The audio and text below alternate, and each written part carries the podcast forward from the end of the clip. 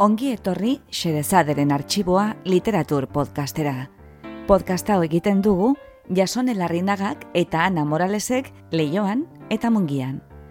Guk bezala, zuk ere uste baduzu, munduan gauza gutxi direla hain atseginak nola ipuinon bat patxada zentzutea, gera zaitez gurekin, eta prestatu munduko kontakizunik bikainenak euskaraz entzuteko.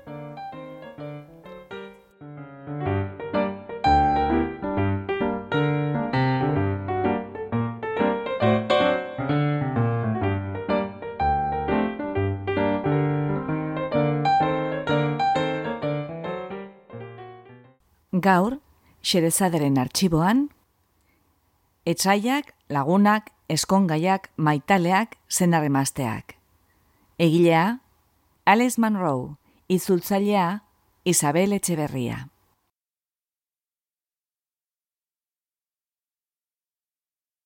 Alice Monroe idazle kanadarra daukagu gaur konbidatu gure artxiboan. Alice Monroe, mila bederatzeun eta hogeta maikaan jaio zen, ontarion, baserritar baten eta maistra baten alaba. Pare bat urtekin zituen unibertsitatean beka batekin, baina ikasketak utzi zituen ikaskide batekin eskontzeko, eta gaztetatik hasia bazen ere idazten, ez zuen lehen liburu argitaratu berrogei urte inguru izan arte, etxeko Andre eskondua eta hiru umeren ama zelarik. Liburu horrekin, itzal sorion txuen dantza izenekoarekin alegia, Kanadako literatur sari nagusia erabazi zuen mila bedratzeun eta irurogeita sortzian, Governor General saria, hain zuzen, beste bitan irabaziko zuena urrengo bi amarkadetan. Orduz geroztik, amalau ipuen bilduma argitaratu ditu berrogeita mar urteko karreran zehar, eta ipuen gintzan erakutsi duen maestratasunak literaturako Nobel saria eskuratu zion 2000 eta mairuan. Manrouren historioak autorearen jaiotze lekutik gertu jaso dira, ontarion eta inguruetan, eta jende arruntaren bizimoduaren gora berak kontatzen dituzte. Hori bai, alako lupa potentea zaztertuta, non garbi geratzen baita, intxaur batean unibertsoko tragedia, komedia, misterio eta ustekabe guztiak kabitzen direla. Batez ere, emakumeen ikuspegitik idazten ditu bere narrazioak, neskato Andre Eldu zein zaharrei ahotsa emanez. Teknikari dagokionez, azpimarratzekoa da Manrouk lan pixka bat egitea eskatzen diola irakurleari, bere eskutik atzera eta aurrera eramanez narrazioaren denboran, elkarrekin historioaren puslea osatu arte, eta aldi berean eskatzen diola xetasun itxuraz garrantzi gabe, baina esanguratzuei arreta jartzea. Aleginak baina, sari bikaina dauka. Tentsioa esarian doa eraikiz historioetan barrena, eta irakurleak begi harritu ez deskubritzen ditu apurka-purka, susi batek kobasuloko hormetan argituko lituzkeen irudiak bezala, pertsonaien arteko harremanen eta haien erreakzioen korapiloak, giza existentziaren tolestura infinituak. Euskaraz, autorearen bi liburu irakur ditzakegu. Sorion handiegia, metok argitaletxean plazaratua, eta itziarotegi, aiora jaka, naroa zubilaga eta nagore tolosak euskeratua, eta etxaiak, lagunak, eskongaiak, maitaleak, zenarremazteak, igel argitaletxean kaleratua, eta Isabel Etxeberriak itzulia. Itzupen horrekin, Isabel Etxeberriak Euskadi Zaria irabazi du 2000 eta emeretzigarren urtean. Gaur irakurreko dugun ipuina, bigarren bilduma horrexetatik hartua dago, eta izen hori bera dauka. Etxaiak, lagunak, eskongaiak, maitaleak, zenarremazteak. Izen buru bitxi hori, ume jolaz batetik eidator.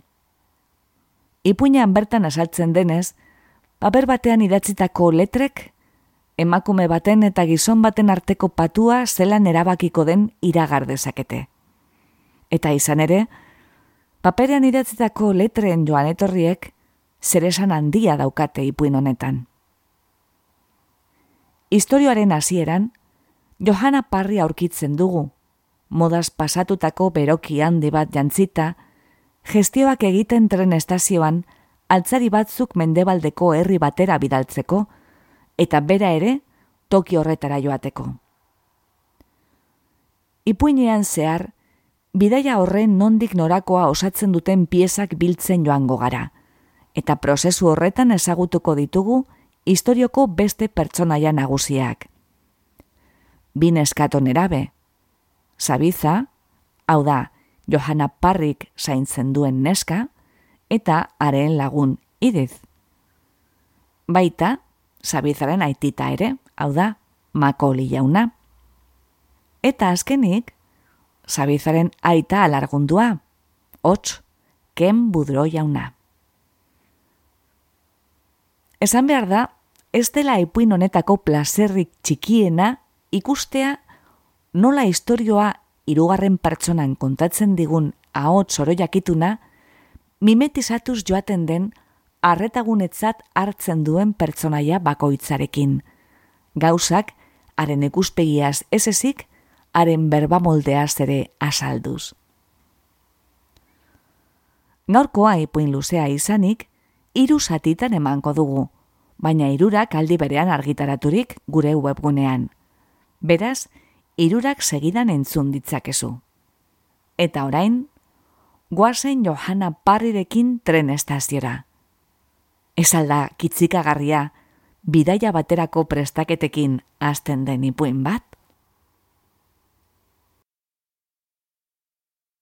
Etzaiak, lagunak, eskongaiak, maitaleak, zenarremazteak. Lehenengo satia.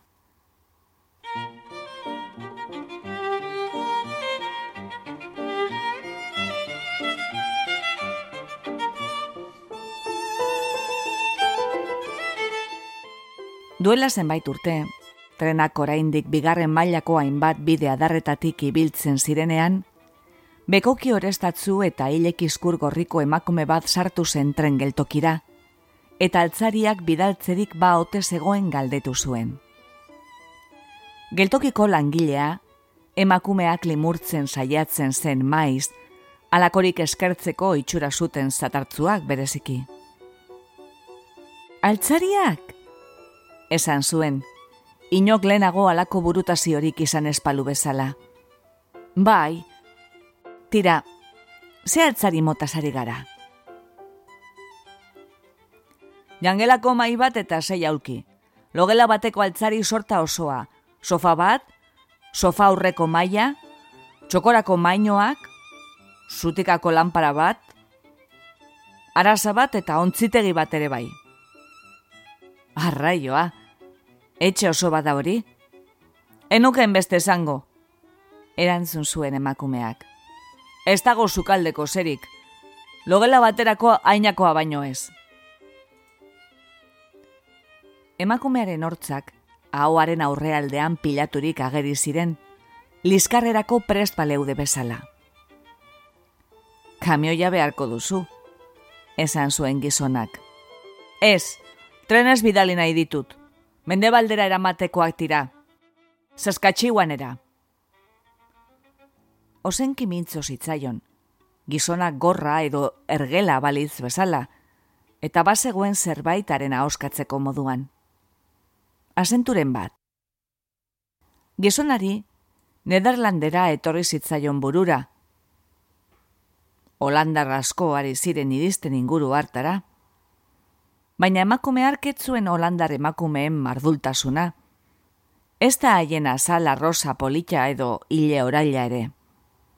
Berrogeitik bera izango zituen, baina gutxa sola zuen horrek. Ezin esan edertasunaren erregina bat zenik. Arira jo zuen. Lehenengo, kamioia beharko duzu, altzariak dauden tokitik ona ekartzeko, eta begiratu beharko genuke ia saskatxiuaneko herri horretatik trena pasatzen den. Bestela nola edo ala moldatu beharko zenuke baten bat altzarien bila joateko. Reginara adibidez. Ginia da herria, esan zuen emakumeak. Pasatzen da trena. Gizonak azalko ipetsuko elbidetegi bat hartu zuen hiltze batetik, eta izena letreiatzeko eskatu zion. Emakumeak, bere poltsatik paper zati bat atera, eta lokarri batez zintzilik zegoen arkatza hartuta, izena idatzi zuen.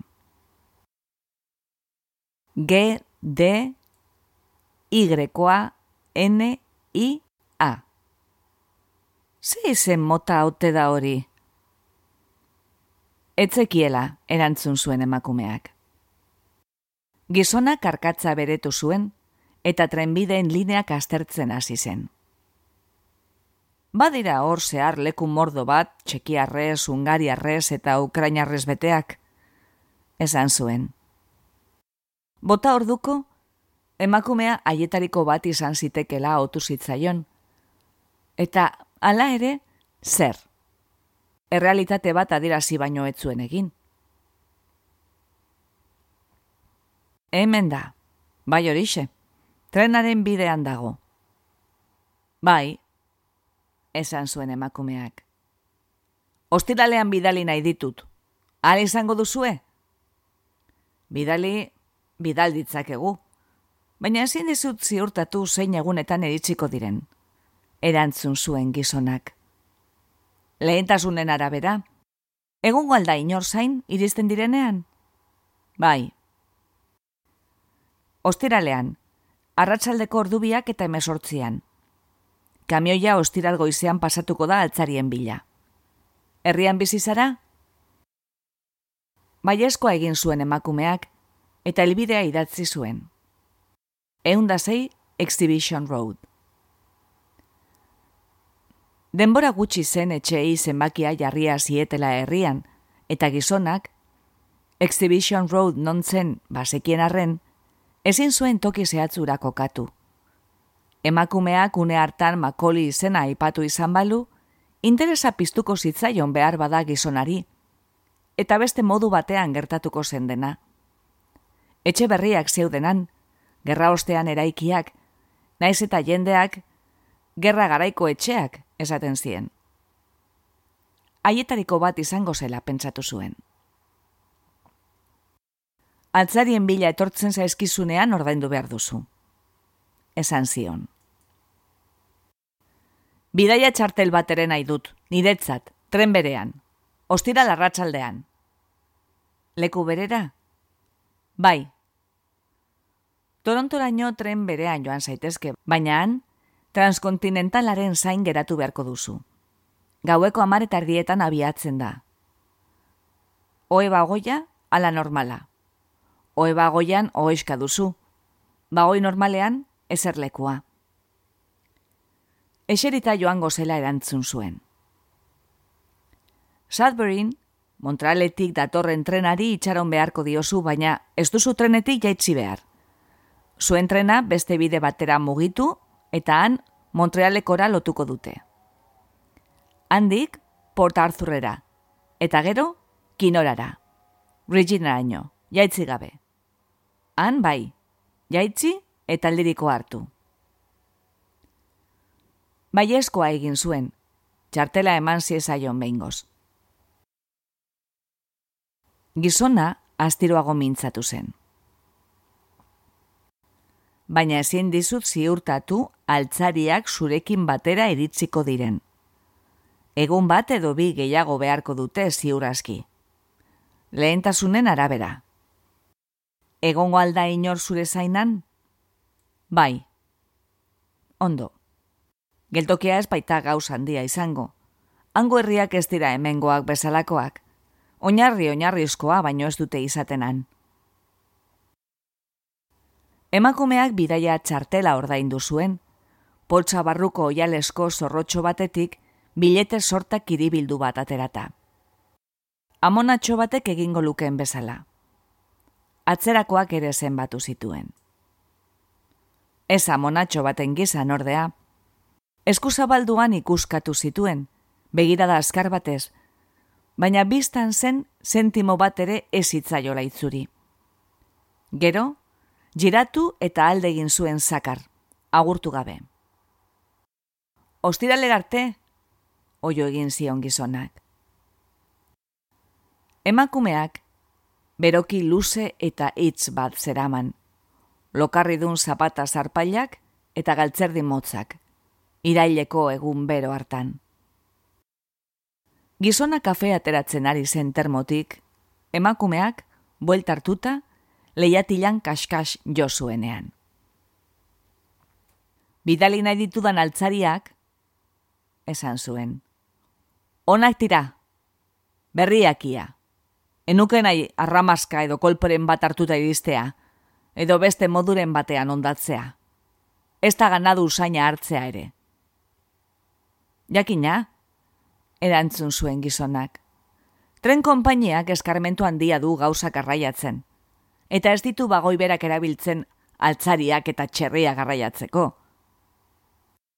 Abiatzen direnean bezain ondo iristean nahi dut, besterik ez. Ondo da, entzun. Altzariak behar ditugunean, dendan erosten ditugu, ezta? Baina, pentsatu alduzu inoiz nola iritsi diren ara? Altzariak espaitituzte dendan fabrikatu, edo? Ez. Lantegiren batean egingo zituzten, hor bait, eta gero, dendara bidali. Trenez ziurrazki. Ez alzaizu iruditzen, beraz, ondo baino beto jakin behar duela nok eta tren konpainiak alakoak nola erabili? Gizonari begira geratu zen. Serio. Ateraldi ura, emakumeen ohiko ergelkeria bat izan zela onartzeko itxura etzuela. Ia ba, erantzun zuen emakumeak. Ia egia den. Tren geltokiko langileak, askorik pentsatu gabe, herrian bizi ziren guztiak ezagutzen zituela esango zuen. Egiaz, haietariko erdiak edo ezagutuko zituen. Eta ezagutzen zituenetatik gehienak kaletarrak ziren. Eta natiboak. Hau da, ez ziren atzo goizean iritziak, eta ez zuten denbora gutxian alde egiteko asmorik. Saskatxiuen era joatekoa zen emakumea, ez ezaguna zitzaion, etzelako beraren parrokiara joaten, etzelako beraren umeen andereño, eta ez zuelako lan egiten berak ezagutzen zituen denda, jatetxe edo bulegoetako batean. Etzegoen eskonduta gainera, bera bezala elksera edo Oddfellows-era edo Lions Clubera edo veteranoen elkartera joan oiziren gizonetariko batekin. Haren eskereskuari begiratu bat eman zion dirua ateratzen zuen bitartean, eta eskongabea zela ondorio estatua zuen, espero bezala. Zapata haiek, pantiak ez baizik eta galtzerdi motzak erabiltzeak, eta ratzaldea izanik ez eskularrurik eskapelarik eramateak, baserritarra izan zitekela eradokitzen zuten. Baina ez zuen ageri alakoen aire zalantzati eta lotxakorra ez zituen baserritarren manerak. Egia esan, ez zuen manerarik bat ere. Informazio makina bat balitzu ezala tratatu zuen. Gainera, erriguneko helbide bat idatzi zuen. Exhibition Road. Beinola telebistan ikusi zuen moja abitu gabeko bat gogorara zizion. Oianean nonbait egiten ari ziren misiolari lana zizketan jardun zuen. Ziurrazki anutziko zioten abitua janzteari, errezago ibiltzeko gora eta bera. Eta noiz edo noiz irriren bat egin bazuen ere, bere erligioak jendea soriontzu egiten zuela erakusteko, denborari gehienean, munduko biztanle guztien azken xedea bere aginduak betetzea zela sinetxiko balu bezala begiratu zien ikusleei.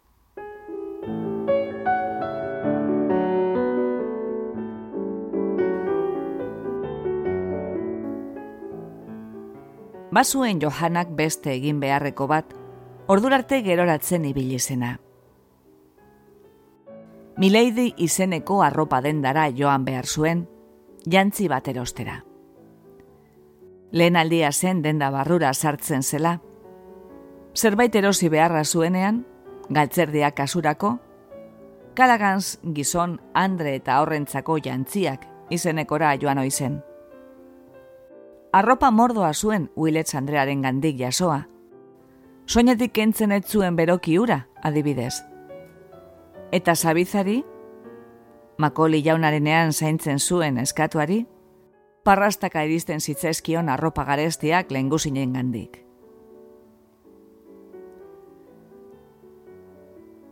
Mileidiko erakusle joan, bi maniki zeuden, gona motz samarrak eta forma karratuko jakatxoak jantzita. Trajeetako bat, urre kolore erdoiltzu batekoa zen, eta bestea berdi ilun leuna. Manikien oinetan sakabanaturik eta erakus leioan han hemenka itxasita, paperezko astigar osto handi eta nabarmen batzuk ageri ziren. Jende gehienak ostoak batzeaz eta erretzeaz kontu hartzen duen urtaroan, haiesek hautatu zituztenan apaingarri. Beiratean, diagonalean itxasita, erroturo beltz bat zegoen, eskuzko idazkera imitatzen zuena dotoretasun soila, udazkenerako moda. Atea ireki eta barrura sartu zen. Bere aurrean txe, goitik berako izpilu batek, bere irudia erakutsi zion.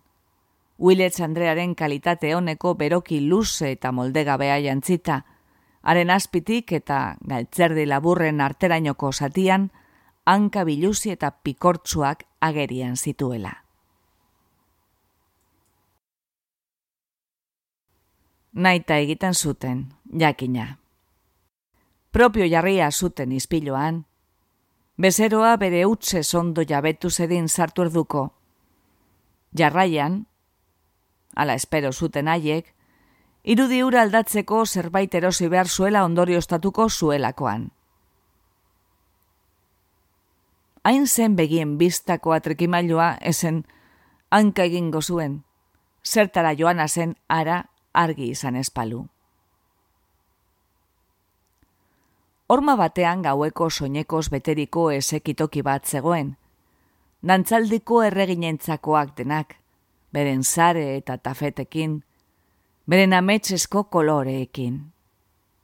Eta arago, beirazko erakustoki baten barruan, profanoen atzek ezukitzeko moduan, dozena erdi esteiantzi, zuri aratzak edo vanilla satinatuak, edo boli koloreko parpailadunak, beira ales edo perlas brodatuak.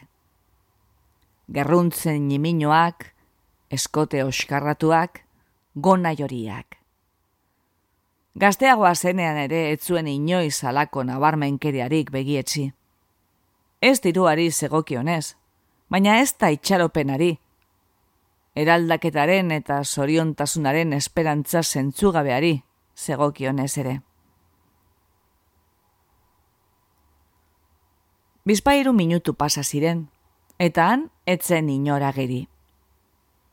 Behar bada behatxuloren batetik begira ari zitza eskion, noiz alde egingo zain, haien estiloko bezeroa etzela eta. Baina ez zuen alde egiteko asmorik. Izpiluaren isla ere mutik aurrera egin zuen, eta atalaseko linoliotik alfombra bigun batera igaro zen. Azkenean, dendaren atzealdeko gortina ireki, eta mileidi bera agertu zen, botoi distiratsuko traje beltz bat soinean. Takoi altuak, orkatila finak, azpiko gona estua, hain estua esen pantien igurtzia entzun baitzitekeen, hile urrekara atzerantz orrastua, aurpegi makilatua. Erakusleioko trajea proban esakela bururatu zait. Esan zuen Johanak, entzeatutako ahots batez. Berdea. Oh, traje zine zoragarria da hori, esan zuen Andreak.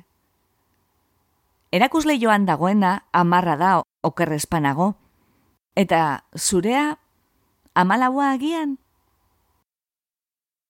Johanari bizkarreman, eta eguneroko arropak eskegita zeuden aldera jo zuen. sorteko zara, hemen amalaua. Johanak salneurriaren etiketari begiratu zion lehenago. Espero baino bi aldiz gehiago, aixe. Eta argi adierazi nahi izan zuen bere iritzia. Garestia da.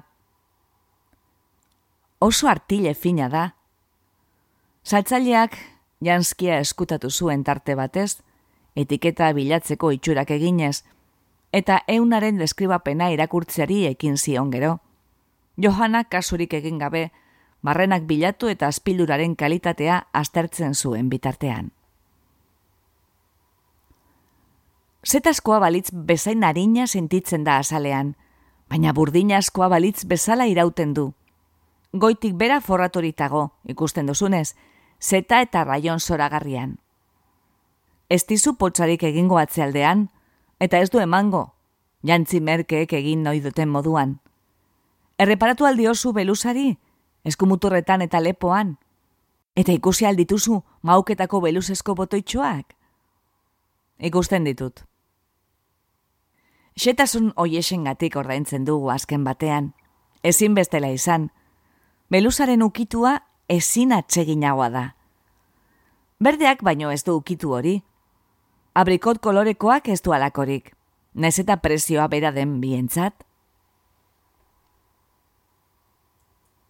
Egiaz, lepoko eta eskumuturretako beluza zen, Johanaren begietara, trajeari luxuzko eite sotilura ematen ziona, eta horrexek bultzatu zuen jantzia erosi nahi izatera. Baina ez zuen alakorik aitortzeko asmorik. Probatu egingo nuke ba, Azken batean, horretarako prestaturik etorria zen, barruko arropa garbia eta talko hautz freskagarriak besapeetan. Dendariak, Johanna probagela argitzuan bakarrik usteko bezain besteko zentzu ona izan zuen. Posoia balitz bezala ekidin zuen izpilua Johannak, gona bere lekuan eta jaka lotuta izan zituen arte. Hasieran, trajeari bakarrik begiratu zion. Dena ondo. Dena neurrian. Gona oi zuen baino laburtsagoa aukeran. Baina oi zuena etzen modakoa. Arroparekin etzegoen bat ere problemarik. Trajetik kanpo ikusten zena zen arazoa bere lepoa eta aurpegia eta hilea eta esku handiak eta hankamardulak. Ze modu zor barruan? Importa zaizu begiradatxo bat egiten badizut? Begiratu nahi duzun guztia. Pentsatu zuen Johanak. Zerrama bat zetaz jantzirik. Horixe ikusiko duzu. Emakumeak alde batetik begiratu zion lehenengo, eta bestetik kero. Pantiekin eta takoiekin ikusi beharko da, noski. Eroso alduzu? Arropa ondo dago, esan zuen Johanak. Arropari etzaio zer gertatzen. Emakumearen aurpegia mudatu egin zen izpiluan. Irribarre egiteari utzi zion etxia harturik eta nekatuxea ematen zuen, baina adeitzuagoa aldi berean. Alaxe gertatzen da batzuetan. Probatu arte ezin izaten da jakin. Kontua da, esan zuen, ahotsean ziurtasun berri eta neurtuago bat ernetzen zitzaiola. Kontua da, gorpuzkera polita duzula, sendoa hori bai, Ezur handia dituzu, bai. Eta? Bistan da, beluzez forratutako botuitxoak ez dira zuretzat. Ez eman bueltak gehiago. Kentzazu. Berriro barruko arropa jantzirik zegoela, kolpetxo bat entzun zuen Johanak, eta esku bat agertu zen gortinaren hartzetik. Ia ze moduz beste honekin. artilesko soineko marroi bat zen, marraduna. Izurretan dotore bilduriko gona zabala, hiru laurdeneko maukak eta eskote soil biribila. Soineko simple-simplea zen, salbo eta gerriko me urrekaragatik. Etzen aurreko trajea bezain garestia, eta hala ere, altu egia zen oraindik ere prezioa alako jantzi baterako. Gonaren luzera, egokiagoa zen behintzat, eta eunak zirimola airos bat eratzen zion hanken inguruan. Adorea bildu, eta espilura begiratu zuen. Oraingoan behintzat, ez zirudien txantxa baterako mozorrotua. Emakumea, ondora etorri zitzaion, eta barre egin zuen, lasaitua hartu izan balu bezala. Zure begien kolorekoa da. Ez duzu belusa jantzi beharrik. Begiak dituzu beluzeskoak. Trufatik gertukoa iritziko zion balakuari beste noizpait, baina une hartan egia askoa iruditu zitzaion. Bere begiak ez ziren handiak, eta kolorea deskribatzeko eskatu izan baliote, marroiskak edo, erantzungo zuen. Une hartan ordea, marroi ilun, leun eta distiratsu batekoak begitan duzitzaizkion. Kontua etzen bapatean bere burua eder ikusten hasia zela, ez horixe. Baina bere begiek, oial bat izatera, kolore polita luketela iruditzen zitzaion. Egingo nuke ez dituzu latako idun zapatak sarri erabiltzen. Esan zuen emakumeak. Baina pantiak eta zapata itxuroso batzu jantziko bazenitu, eta ziurazki ez duzu bitxiak erabiltzeko iturarik. Eta arrazoi duzu. Ez duzu horrelako diper, nahikoa da gerrikoa. Saltzailaren parrasta da mostu nahi izan zuen Johanak. Tira, hobe duterantzi, paketea prestatzen azaitezen. Pena ematen zion gonaren leuntasuna eta gerri inguruko xingola aurrekara sotila gainetik entzeak. Lehenengoz bere bizitzan, jantzen zuenak ederragotzen zuelako sentimen txoroa nabaritzen ari zen. Egun berezi baterako izango da? Galdetu zuen emakumeak. Johanak presaka bere betiko arropa hitzak jazten zituen bitartean. Nire eskontza egunean jantziko dut, ziurraski. Erantzun zuen Johanak. Arritu egin zen bere haotik ura entzun da. Etzen hankasartzelarria. Emakume arketzekien nor zen bera. Eta ziurraski etzuen hitz egingo biek ezagutzen zuten inorekin itzik ez esateko erabaki irmoa hartua zuen ala ere. Saltzaileari zerbait zorziola sentitu zuen behar bada. Jantzi berdearen deskalabrua eta marroiaren aurkikuntza elkarrekin bizi izanak, haien artean lotura bat eratu balu bezala. Txorakeria galanta. Emakume ura bere lana egiten ari zen, arropak saltzen, eta lortua zuen bere helburua. Oh! Oio egin zuen emakumeak. Oh, gauza xarmagarriagorik! Tira, pentsatu zuen Johanak. Agian bai, eta agian ez. Zer zekienak norekin zen eskontzekoa. Izan ziteken baserritar miserable bat, mandoarena egingo zion norbaiten bila, edo erizaina behar zuen agure ezindu eta atxankari bat. Emakumeak zuen ideiarik ere segi zon klase lortua zuen, eta nola nahi ere ezitzaion asola. Eta esango nuke maitasun eskontza bat dela. Esan zuen emakumeak, pentsakezun gaitzituok irakurri izan balitu bezala. Horregatik dute zure begiek alako diztira. Zeta paperean bilduko dizut. Paketea irekitzen duzunean, eskegizazu, eta bere sartuko du taxua eunak. Liza burdina pasatu aldiozu harinki nahi baduzu, baina ziurrazki ez du behar izango. Ondoren, diru trukea egin zuten. Ez begiratzeko itxurak egin zituzten biek, baina biek begiratu zuten. Erosketa ona egin duzu, esan zuen emakumeak. Bizitzan behin baino ez gara eskontzen. Tira, beti beti ez da horrela izaten, baina nire kasuan horrela izango da. Esan zuen Johanak. Lotxagorritu egin zen. Izan ere, behin ere ez zuten eskontza ipatu. Ez da azken gutunean ere bere esperantza ezagutara zizion emakumeari, eta desegokia izan zitekeen. Non ezagutu zenuen? Galdetu zuen emakumeak, postasun malenko neatzuzko tonuari eutziz.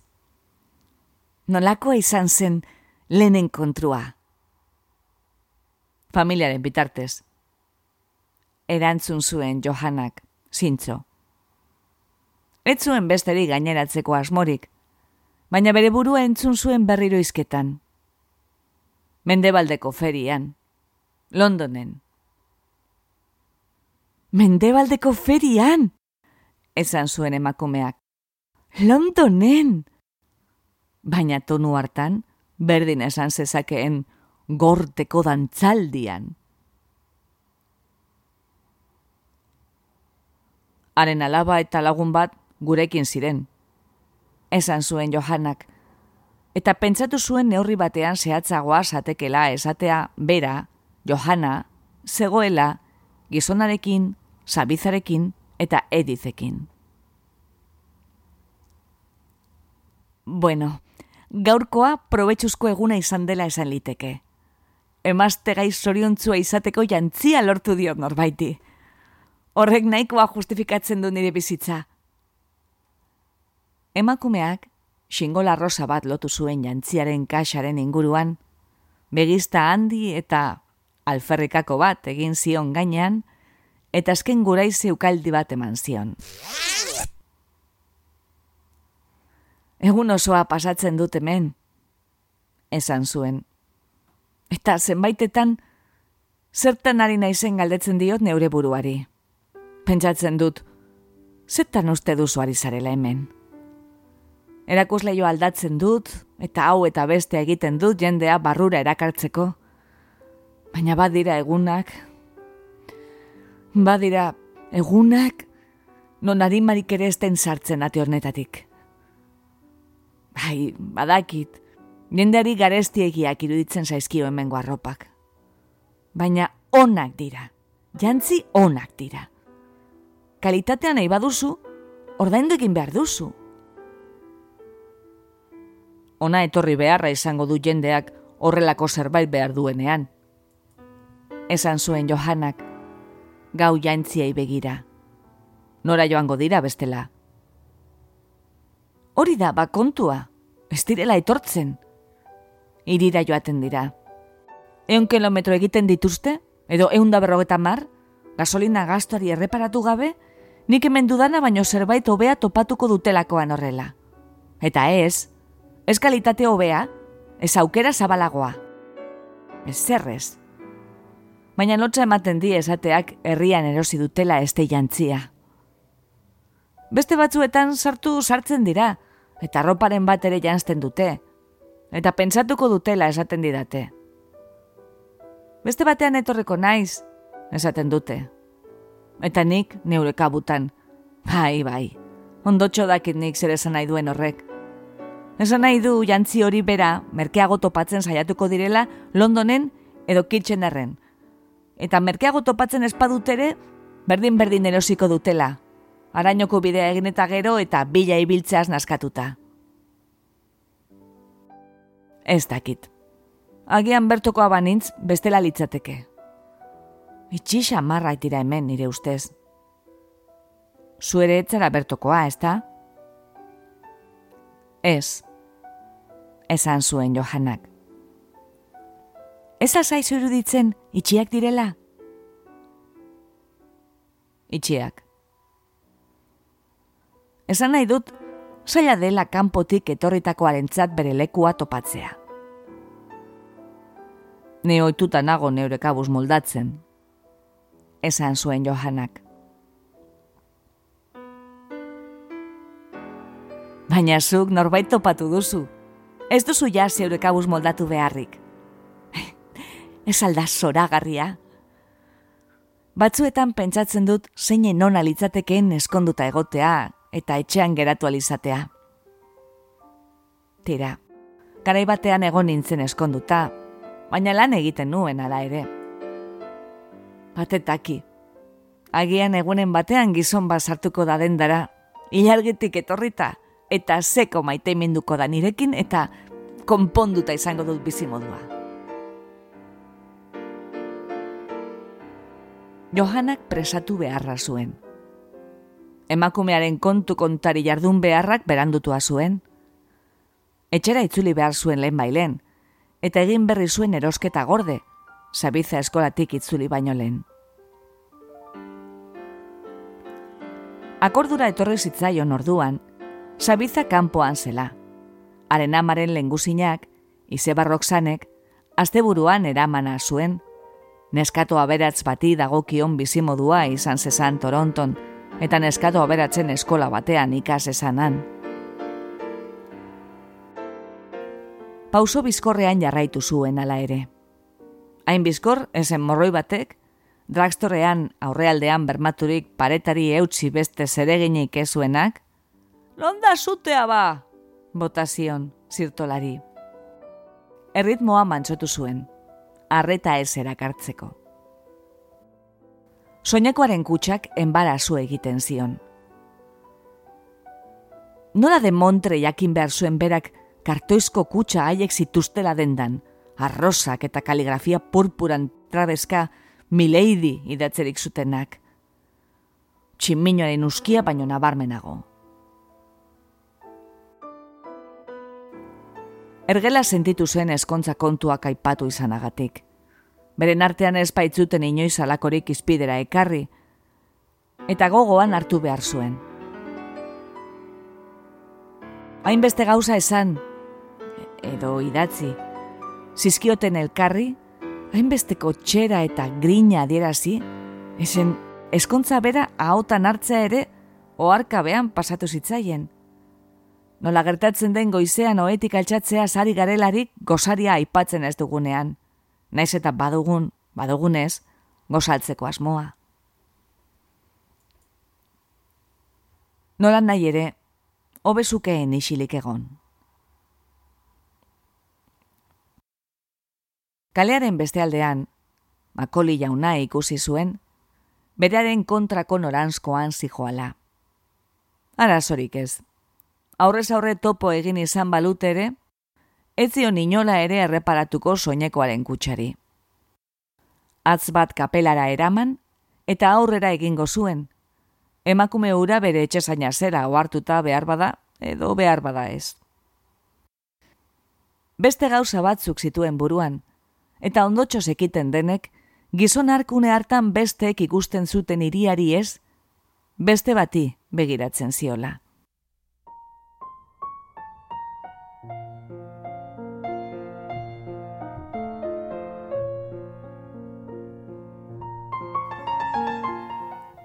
Lanegun guzti guztietan, eta inoiz burua auskal onora joan da baita jaiegun edo iganderen batean ere, Exhibition Roadetik gora iriguneran zabiatzen zen, bere hiru piezako trajetako bat, soengaineko harina, edo soengaineko lodia bestela, feltrosko kapela grisa eta zapata ziratu distiratsuak jantzirik, ualeria eta larruki dendaren gainean oraindik ere mantentzen zuen bulegoraino. Aseguro etxea esaten zioten, naiz denbora luzea zen han etzela asegurorik saltzen. Batzuetan, eskaileretan gora egiten zuen baten batek, ari bizita egiteko, eta bere polizari buruzko galderaren bat egiten zion, edota lur zailen mugei buruzkoak, edo iriko onibar baten, edo inguruetako etxalderen baten historiari buruzkoak maizago. Mapas beterik zuen bulegoa, mapa sarrak eta berriak. Eta etzenaren tzat placer handiagorik, mapa horiek zabaldu eta egina zioten galderatik asko zarago edatuko zen azalpen batean murgiltzea baino. Egunero, iruzpalau aldiz bulegotik irten, eta kalean paseatzen zen, orain bezala. Gerra garaian, lastategian gorde zuen bere maklolin buika, eta oinez joaten zen leku guztietara, etxemplu emateko. Eta balirudike etxemplu ematen jarraitzen zuela oraindik, ama bosturte geroago ere. Eskua eskuari lotuta bizkarraldean, bere lursailak ikuskatzen ari den etxe jauna edo bere jarraitzailei atseginez behatzen dien zermoikilea nola. Naiz eta arekin gurutzatzen zirenen erdiek, gizon ura nor zen ideiarik ere ez zuten. Iria aldatuta zegoen. Johana ara iritsi zenetik ere asko aldatu zen. Merkataritza jarduera kanporantz mugitzen ari zen, autobide ondora. Eta baziren ja kanpoalde hartan, hipermerkatu bat, Canadian Tire bat eta motel bat, atzeden gune eta tobleseko dantzari eta guzti. Herriko behaldeko denda batzuk beren burua egunean jartzen saiatu ziren, arrosa, malba edo oliba koloreko pintura erabiliz. Baina pintura hura altxatzen hasita zegoen adreilu zaharren gainean, eta dendetariko batzuk utzik ziren jada. Mileidi, atzetik jarraituko zitzaien, itxura guztien arabera. Johanak, denda hartako saltzailea izan balitz, nola jokatuko zuen erabili zuen bere kabutan.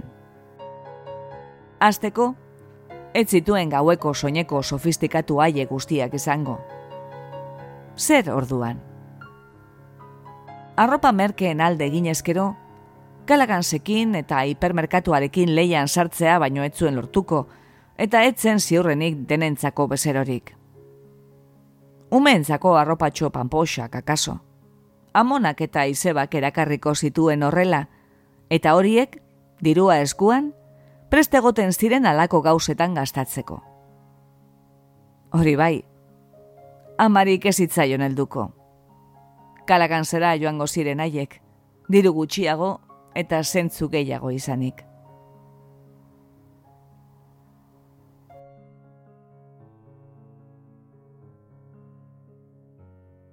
Nola nahi ere, bera, Johana, izan balitz denda hartako arduraduna, ez zuen inoiz erdietziko jendea erakartzea. Azkar asko ikusiko zuen zer egin behar zen une bakoitzean, baita nola egin behar zen ere, eta batetik bestera ebiliko zen, lanean ari ziren pertsona kontrolatzen. Baina ez zuen sekula inor xarmatuko edo limurtuko. Artu edo utzi, izango zen haren jarrera. Eta utzi egingo zuten denek.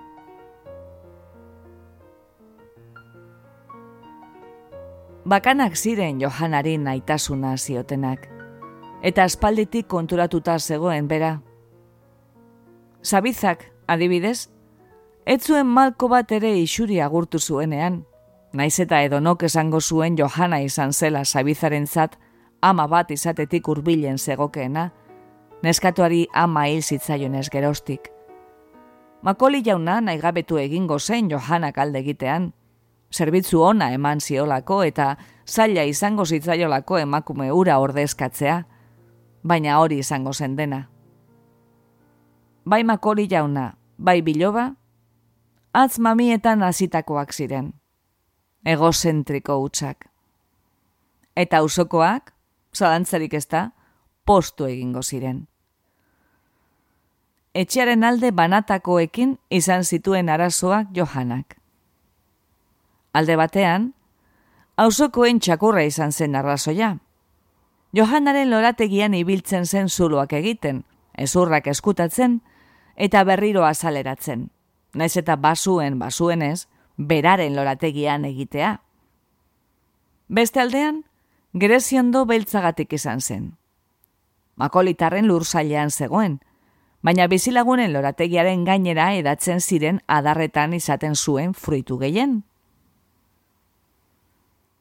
Kasu batean zein bestean, kalapita sortu zuen Johanak, bai eta azkenean irabazi ere.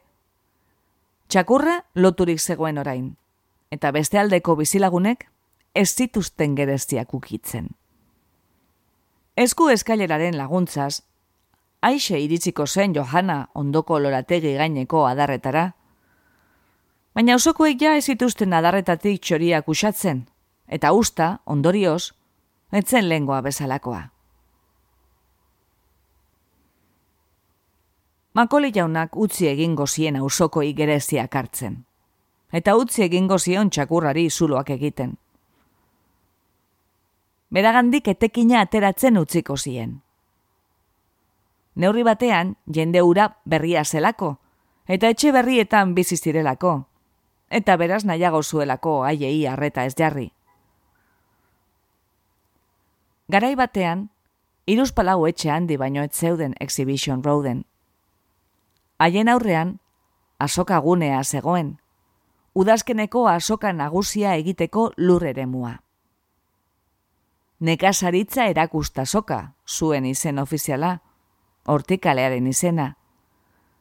Eta tartean, frutarbolak eta belardi txikiak.